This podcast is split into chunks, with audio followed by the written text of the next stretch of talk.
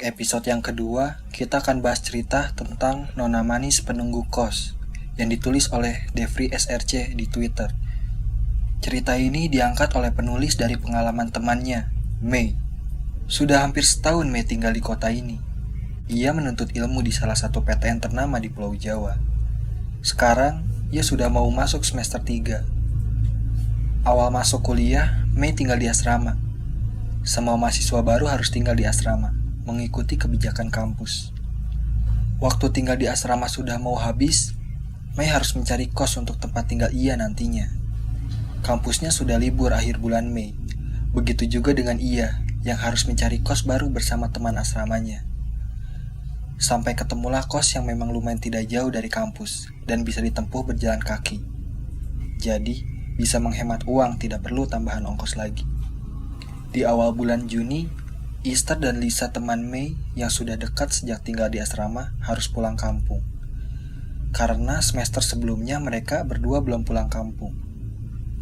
Berbeda dengan yang lain, liburan kali ini ia terpaksa tidak pulang karena dari himpunannya menawarkan magang di beberapa perusahaan.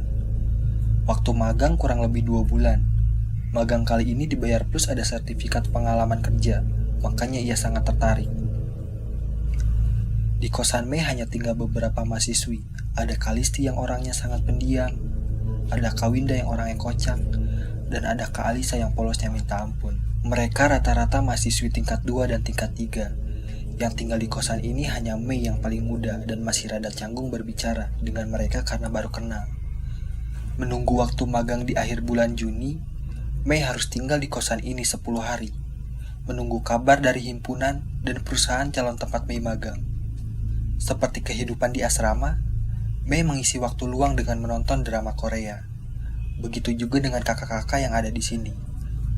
Melakukan aktivitas mereka sendiri. Kalisti tinggal di kamar satu, yang bertetanggaan dengan Mei kamar 10. Sedangkan kamar Kawinda tinggal di kamar 3. Setiap pagi sudah terdengar lagu K-pop dari kamar kakak ini. Di seberang kamar Kawinda ada kamar Kak Alisa di kamar 6. Ia sembari mendengarkan lagu Kawinda, biasanya Kak Alisa olahraga kecil di depan kamarnya. Dan begitu pun juga Pak Satpam. Sering sekali Mei pergokin Pak Satpam memperhatikan bentuk tubuh Kak Alisa saat berolahraga.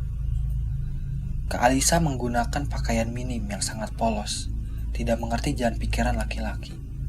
Sebelum kos ini direnovasi, katanya kamar Mei dan kamar 9 adalah bekas toilet. Mei merasa biasa saja, karena juga sudah direnovasi. Di depan kamar Mei dan kamar Easter, kamar 9, biasanya anak kosan ini menjemur pakaian dalam mereka. Karena kalau di depan kamar bisa-bisa dilihatin pas satpam, karena genitnya sudah tidak dapat dikontrol. Denah kosnya kurang lebih seperti ini. Beberapa hari Mei tinggal di kosan. Hari berjalan seperti biasanya, dan beraktivitas masing-masing. Mei yang sedang tidak ada pekerjaan memutuskan untuk mencuci pakaian yang sudah menumpuk. Ketika tengah asik mencuci pakaian, tiba-tiba Mei merinding. Ia merasa suasana menjadi dingin. Diikuti ada suara orang yang mengantuk-antukan kepalanya ke tembok kamar Mei. Suara itu berasal dari kamar Kalisti. Kamar mandi Mei tepatnya bersebelahan dengan kamar mandi Kalisti. Mei masih berpikiran positif. Itu mungkin Kalisti mengantukkan kakinya tapi bulu kuduk Mei berdiri semua. Suara itu makin keras. Mei cepat-cepat keluar kamar, mau melihat apa yang dilakukan Kalisti di kamarnya. Akhirnya Mei mengetok kamar Kalisti yang tertutup. Sembari mengetok Mei memanggil Kalisti. Kalisti membuka pintunya. Kenapa dek? Tanya Kalisti. Kakak lagi ngapain kak? Sibuk nggak? Tanya Mei tidak to the point. Oh, lagi skripsian deh, kenapa ya? Tanya baik Kalisti. Seperti ada yang aneh, apakah Kalisti suntuk atau lagi kesel ngerjain skripsinya? Makanya dia mengantukkan kepalanya. Mei berusaha mengharukan semua kejadian tadi dan mengalihkan pembicaraan. Akhirnya Mei kembali ke kamarnya dan melanjutkan mencuci pakaian. Suara itu tidak lagi terdengar, begitu juga hawanya sudah normal kembali. Dek Mei, Dek Mei. Panggil Kalisti dari sebelah kamar. Iya kak. Jawab Mei teriak. Itu kalau nyuci jangan kena tembok. Suaranya ganggu. Kakak lagi skripsian. Tanya Kalisti memperingati Mei. Iya kak. Jawab Mei. Padahal saat itu Mei mencuci tidak mengenai tembok. Bahkan sedikit pun tubuh Mei tidak ada yang mepet ke tembok. Apa suara yang Mei dengar itu didengar Kalisti juga? Tanya Mei dalam hati. Setelah mencuci, Mei memanggil Kalisti untuk meminta bantuan memeras selimut. Kamu kenapa toh, dek, berisik waktu nyuci? Udah getok-getok, terus ketawa-tawa. Kamu sambil bucin ya? Hehehe. Tawa Kalisti. Hah? Enggak, Kak. Aku nggak getok-getok. Aku juga nggak ketawa-tawa. Aku juga nggak teleponan. Mei menjelaskan pada Kalisti. Cie-cie, mukanya merah. Bucin ya? Gak usah malu-malu, siapa tuh cowoknya? Tanya Kalisti. Aku belum punya cowok kak, aku gak bucin kak. Jawabnya pada Kalisti. Setelah menjemur semua pakaian, Kame dan Kalisti masuk ke kamar masing-masing.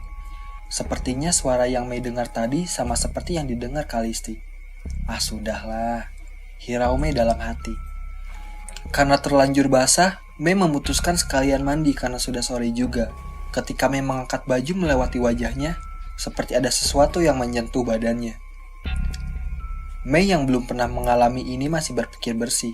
Ah, mungkin bajuku, kata Mei dalam hati. Mei menghadap ke kaca dan mengikat rambutnya terlebih dahulu. Ketika melihat ke kaca, seperti ada bayangan wanita melintas dari belakang.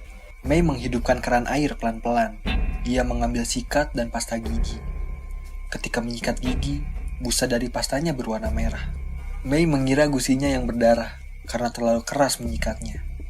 Tapi, setelah berkumur-kumur, kembali lagi ia berkaca melihat gusi mana yang berdarah. Ternyata tidak ada. Gusinya sehat dan tidak ada rasa perih yang dirasakan. Dari semua drama ini, ia ingin cepat-cepat menyelesaikan mandi. Ketika ia mulai menyiapkan sabun cuci muka di depan kaca, ia kembali ke arah keran mengambil gayung, dan membasuh muka. Ketika membasuh muka, Mei menutup mata. Pandangan Mei gelap dan tiba-tiba muncul seorang wanita.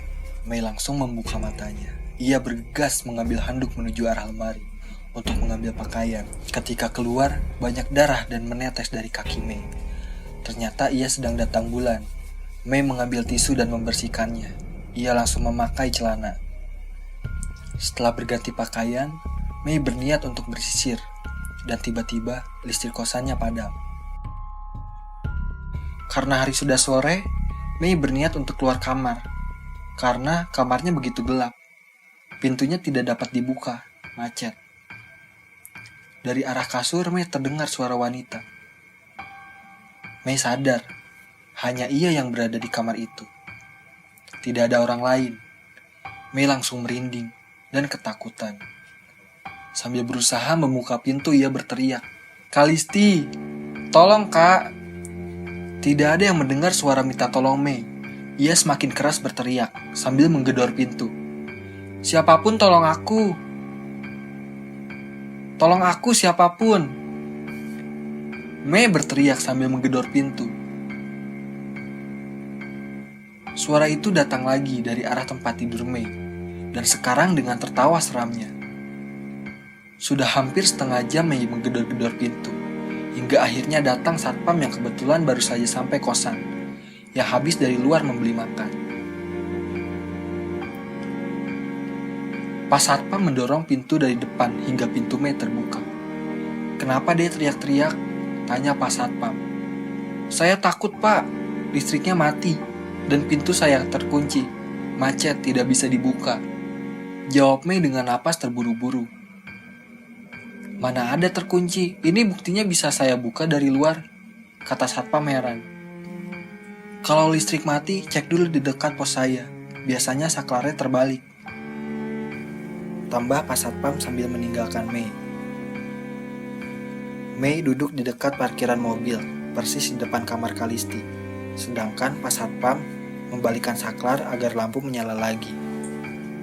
Kalesti, Kak Alisa, dan Kawinda baru pulang ke kosan. Mereka bertiga habis pulang membeli makan, membungkuskan juga untuk Mei. Tadi kamarmu diketok-ketok, dipanggil kamu tidak nyaut, Mei, kata Alisa. Kamu ketiduran ya? Kecapean? Tanya Kawinda karena sudah dijelaskan Kalisti bahwa Mei habis menyuci. Enggak, Kak. Aku nggak dengar dipanggil. Aku barusan habis mandi. Mei menjawab pada mereka. Setelah itu, Mei masuk ke kamar bersama Kalisti. Begitu juga dengan Kak Alisa dan Kak Winda masuk ke kamarnya. Mei masih belum bisa melupakan kejadian dari siang sampai sore ini. Begitu banyak kejadian yang aneh dan di luar nalar.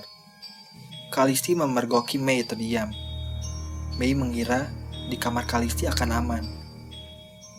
Tapi suara itu datang lagi dari arah kamar Mei, menembus tembok kamar Kalisti. Kamu makanya sama aja Kamu gak usah takut sama aku. Suara itu begitu menyeramkan. Mei ketakutan. Mei berdiri di depan pintu hingga menunggu Kalisti datang dari kamar Kawinda. Kalisti menanyakan Mei kenapa ia berdiri di pintu. Setelah makan, Mei mengecek HP-nya. Ia bermain HP sampai pukul 11 malam. Sedangkan Kalisti masih fokus mengerjakan skripsinya. Kalisti, aku tidur bareng kakak ya. Pinta Mei pada Kalisti. Kenapa deh Mei? Kamu takut tidur sendiri? Tanya Kalisti.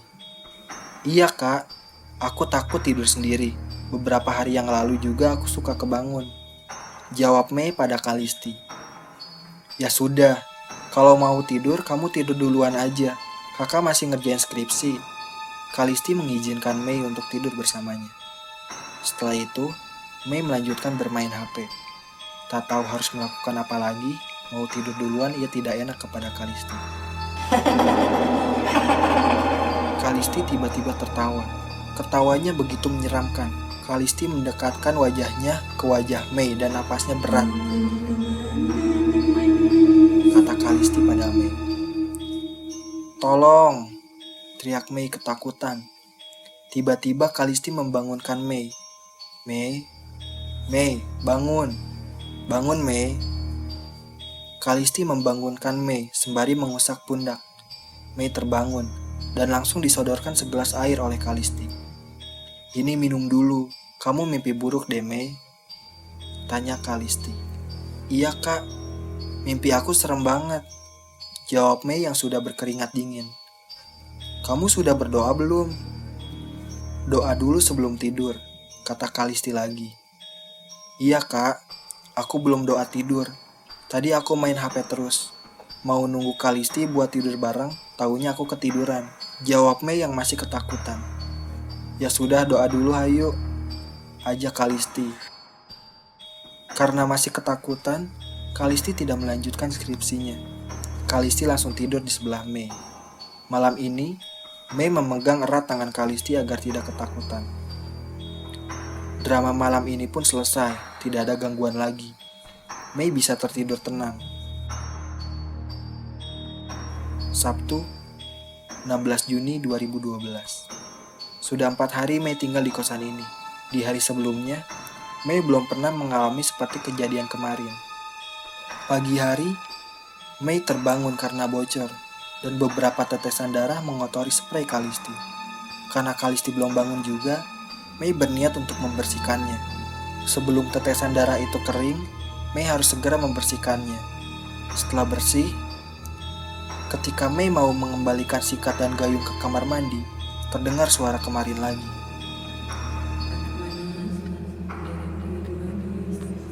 Dan suara itu menghilang seketika. Ia menganggap seperti angin lalu lalang di pagi hari, karena matahari sudah terbit juga. Sebenarnya Mei masih takut. Bagaimana kalau suara itu muncul lagi? Bagaimana kalau suara itu ada di kamar mandinya? Bagaimana kalau saat mandi Mei terkunci lagi? Begitu banyak pertanyaan di dalam hati Mei yang membuat pikirannya kacau. Tapi ia memberanikan diri. Sebelum membuang pembalutnya, biasanya ia membersihkannya terlebih dahulu, lalu membuangnya ke ranjang sampah. Tapi kali ini Mei lupa. Ia langsung membuangnya, dan benar saja kejadian. Suara itu datang lagi, seperti menyeruput sisa-sisa minuman dalam gelas. Mei melihat ke arah tempat sampah. Dengan sekejap, Mei melihat sosok wanita berambut panjang dan berpakaian daster putih. Sedang duduk menjilat bekas pembalut. Mei ingin teriak. Tapi sebelum dia teriak, wanita itu langsung hilang seketika. Kirain masih di toiletku, kata Kalisti yang baru saja keluar kamar. Aku habis dari kamar, Kak. Bukan dari toilet kakak. Jawab Mei pada Kalisti penasaran. Bentar ya, aku kebelet. Kata Kalisti memegang perutnya. Mei heran, kenapa Kalisti mengira Mei dari toiletnya. Mei memang dari toilet, tapi bukan dari toilet Kalisti. Ia semakin penasaran. Setelah Kalisti dari toilet, belum sempat Mei bertanya. Kalisti langsung mengajaknya membeli sarapan pagi. Sembari makan, Mei memberanikan diri untuk bertanya kepada Kalisti tentang kejadian tadi pagi. Kak, emang aku ada izin ke kakak mau pakai toilet kakak ya? Tanya Mei pada Kalisti. Haa, bangun tidur kamu ke toiletku. Aku ketuk-ketuk, kamu bilang diam. Aku cari kunci kamarmu, eh nggak ketemu. Aku ke kamar Winda mau minjem toiletnya. Windanya belum bangun masih molor. Mau ke kamar lagi, kamu udah keluar dari kamarmu. Jelas Kalisti.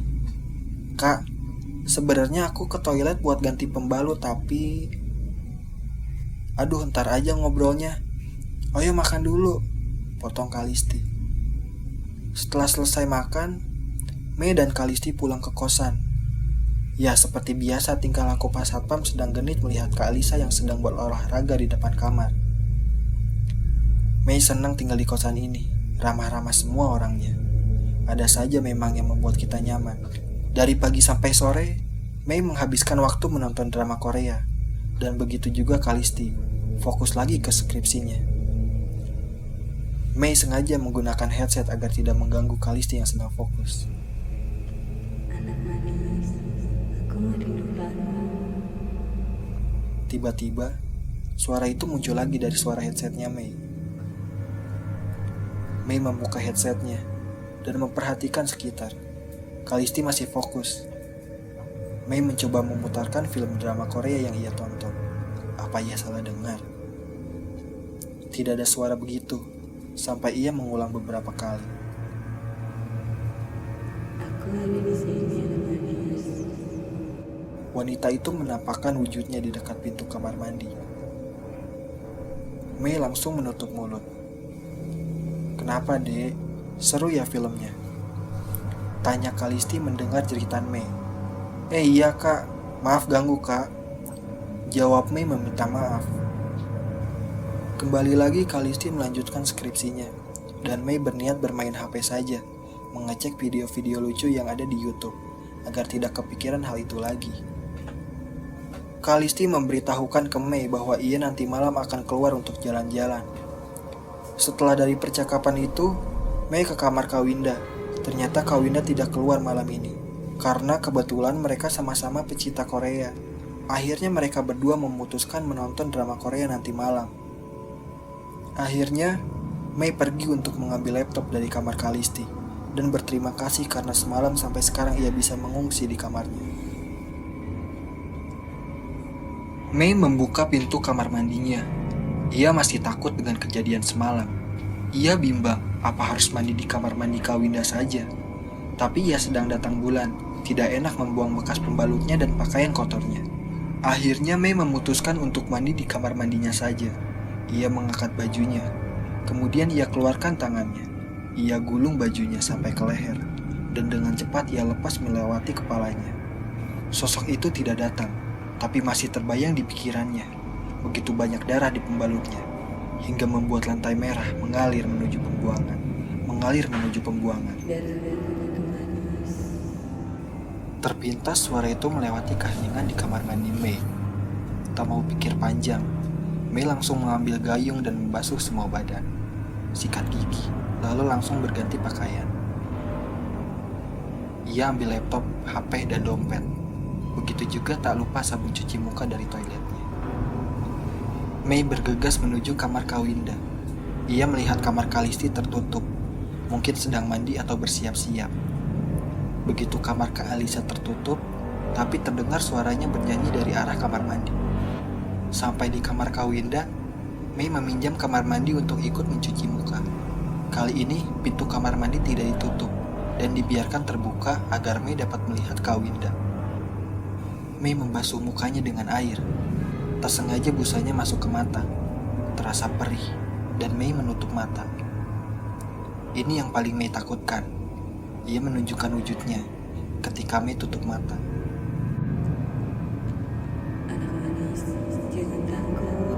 Tawa sosok wanita itu. Setelah itu, Mei memaksakan membuka mata. Langsung ia basuh mukanya dengan terburu-buru.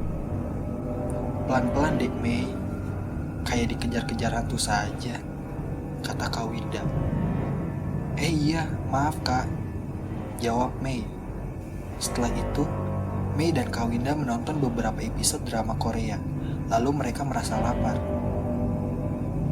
Mei dan Kak Winda keluar terlebih dahulu untuk mencari makan sebelum melanjutkan menonton. Ketika pulang, mereka berpapasan dengan Kak Alisa dan cowoknya. Mei dan Kak Winda balik lagi ke kamar untuk lanjut nonton drama Korea. Di tengah-tengah menonton, terdengar Kalisi dan cowoknya pamitan kepada Pak Satpam yang sedang berjaga. Kos tambah terasa sepi. Waktu sudah menunjukkan 0049. Mei melihat Kak Winda masih asik nonton. Waktu sudah menunjukkan 0049. Mei melihat Kak Winda masih asik nonton. Tiba-tiba perut Mei sakit. Efek datang bulan. Mei mencari posisi agar lebih nyaman tapi ia gerasa gerusuk terus. Akhirnya, Kawinda memberikan sebotol perda rasa sakit sewaktu haid. Setelah Mei meminum perda rasa sakit, tak lama Kawinda mematikan lampu dan mereka tertidur. Sebelum subuh, terasa mengalir darah ke paha Mei dan begitu hangat ia rasakan. Ia tidak berani ke toilet dan menahan sampai ia tertidur lagi. Di tengah-tengah tidur, Tiba-tiba ia merasakan ada yang menjilat tubuhnya. Semua bulu kuduknya berdiri. Karena posisinya lampu mati, ia tidak bisa melihat siapa yang melakukannya dengan jelas. Tangan Mei hanya bisa meraba-raba dan berusaha menjauhkan kepala orang itu. Rambutnya begitu kasar, tangannya begitu dingin, memegang kaki Mei. Ia sudah tidak kuat, dan sekaranglah saatnya. Kau Winda, langsung teriak. Ah, iya dek. Jawab Kawinda kaget. Kawinda menghidupkan lampu dan kaget menyaksikan Mei sudah setengah tidak berpakaian. Mei menutupi tubuhnya dengan tangan. Kamu ngapain dek? Tanya Kawinda. Gak tahu kak, aku takut. Ada yang menjilatiku. Jawab Mei sambil menangis. Kamu masih para uh, tidak melanjutkan perkataannya, Kawinda langsung menyuruh Mei memakai pakaiannya. Mei begitu amis. Ia hendak mencuci terlebih dahulu, tapi Kawinda melarang. Sudah, gak usah dicuci. Nunggu subuh saja, kata Kawinda. Mei berpikiran kalau Kawinda menutupi sesuatu darinya. Saat dia mau melontarkan pertanyaan, dia tiba-tiba terdiam. Kami hanya bisa terdiam menunggu subuh Kawinda bermain HP agar terus terjaga. Begitu juga dengan Mei, masih ketakutan dengan kejadian ini. Ketika sudah subuh, Mei meminta Kawinda menemaninya ke kamar untuk berganti pakaian dalam. Ketika sudah subuh, Mei meminta Kawinda menemaninya. Ketika sudah subuh, Mei meminta Kawinda menemaninya ke kamar untuk berganti pakaian dalam dan pembalut. Kak, Tadi ada pertanyaan kakak yang sempat terpotong, apa ya? Tanya Mei penasaran. Bukan apa-apa dek, lupain aja. Jawab Kawinda. Masih menjadi sebuah pertanyaan yang besar, apa yang ditutupi Kawinda? Pagi sudah tiba. Kawinda ketiduran ketika bermain HP. Mei berniat ke kamar, mau membereskan kamarnya yang lumayan berantakan akibat kejadian aneh dua hari ini. Malam ini, Mei tidak akan tidur dengan Kalisti atau Kawinda, tapi ia akan tidur di kamar Kak Alisa. untuk dapat beberapa informasi dari Kak Alisa. Mei memohon pada Kak Alisa, dan Kak Alisa menanyakan kenapa Mei tidak tidur di kamar Listi atau Winda. Mei menjawab kalau tidak enak sama Kak Listi yang skripsian, kalau Kak Winda sepertinya risih terhadap Mei, karena Mei sering kebangun tengah malam. Setelah masuk kamar, Kak Alisa izin mau mandi dulu. Setelah 10 menit tiduran sambil asik memainkan HP, Mei membuka pembicaraan. Kak, kakak beli di mana sih baju kakak? Kebanyakan sih dibeliin doi, dek. Jawab Kak Alisa. Kakak suka olahraga ya? Tanya Mei lagi. Enggak sih, dek. Cuma dipaksa doi biar badanku fit dan terlihat bugar katanya. Dalam pikiran Mei, hampir terjawab semua dari jawaban Kak Alisa yang mengarah ke sana. Setelah bercerita begitu panjang, Mei ketiduran. Begitu juga Kak Alisa yang tertidur sambil memeluk Mei. Jam 2.59, Mei terbangun. Ia merasakan pengalaman yang sama seperti malam kemarin. Tubuh Mei terasa dijilati kembali, hingga membuat ia terbangun dan melihat sosok wanita yang sangat menyeramkan, dengan daster putihnya yang berbau bangkai. Tolong! Teriak Mei, Kak Alisa terbangun dan melihat Mei sudah setengah tidak berpakaian. Kawinda memanggil Mei dari luar kamar. Lalu Mei memeluk Kawinda sambil menangis. Lisa, kamu tidur saja, biar aku mengurusnya, kata Kawinda. Sampai di kamar Kawinda, Mei memeluk dan terus-menerus menangis. Ternyata Kawinda sebelumnya udah bersiap-siap, apalagi dengan kejadian sebelumnya. Makanya, Kawinda memutuskan untuk tidak tidur dan menunggu apakah Mei masih ada gangguan atau tidak. Singkat cerita, ketika Mei sudah tenang, Kawinda bercerita tentang apa yang terjadi. Jadi, Dulu ketika dia mau masuk semester 3, sama seperti Mei, masuk ke kosan ini dengan alasan yang sama dengan Mei. Nona manis bakalan datang ketika seorang wanita yang tinggal di kosan ini sedang haid. Tapi, Nona manis hanya mengganggu orang yang masih perawan. Ketika Kawinda haid, wanita itu datang setiap hari, menjilati darah perawannya Kawinda, dan setelah selesai pergi begitu saja. Pada hari ketiga, Kawinda memutuskan untuk mengungsi ke kosan cowoknya. Masih sama, wanita itu mengikuti sampai ke kosan cowok Kawinda. Hal yang sama terjadi di saat menjelang pagi, ketika darah haid keluar. Kawinda tidak bisa berkata apa-apa lagi. Rasa takut, sedih, selalu menghantuinya. Ketika kejadian itu, Kawinda membangunkan pacarnya. Dan seketika nona manis itu hilang.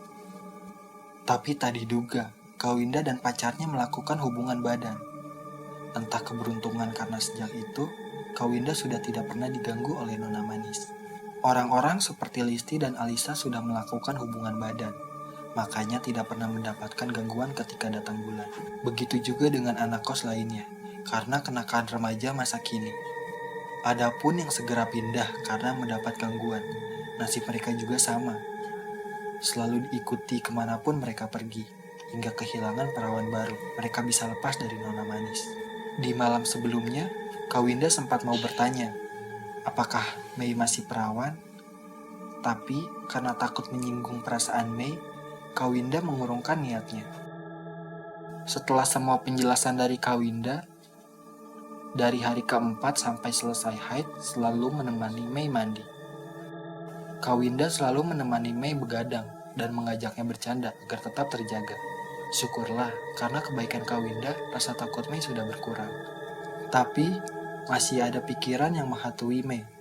Kalau Nona Manis mengikuti ke mana pun. Ketika Mei pergi magang, apakah dia bakal mengikuti? Apakah Mei harus kehilangan keperawanannya? Bagaimana dengan Esther dan Lisa sahabat Mei kalau masuk ke kosan itu? Cerita ini menjadi menarik karena ternyata hantu menyukai hal yang kotor seperti darah. Terima kasih untuk penulis cerita.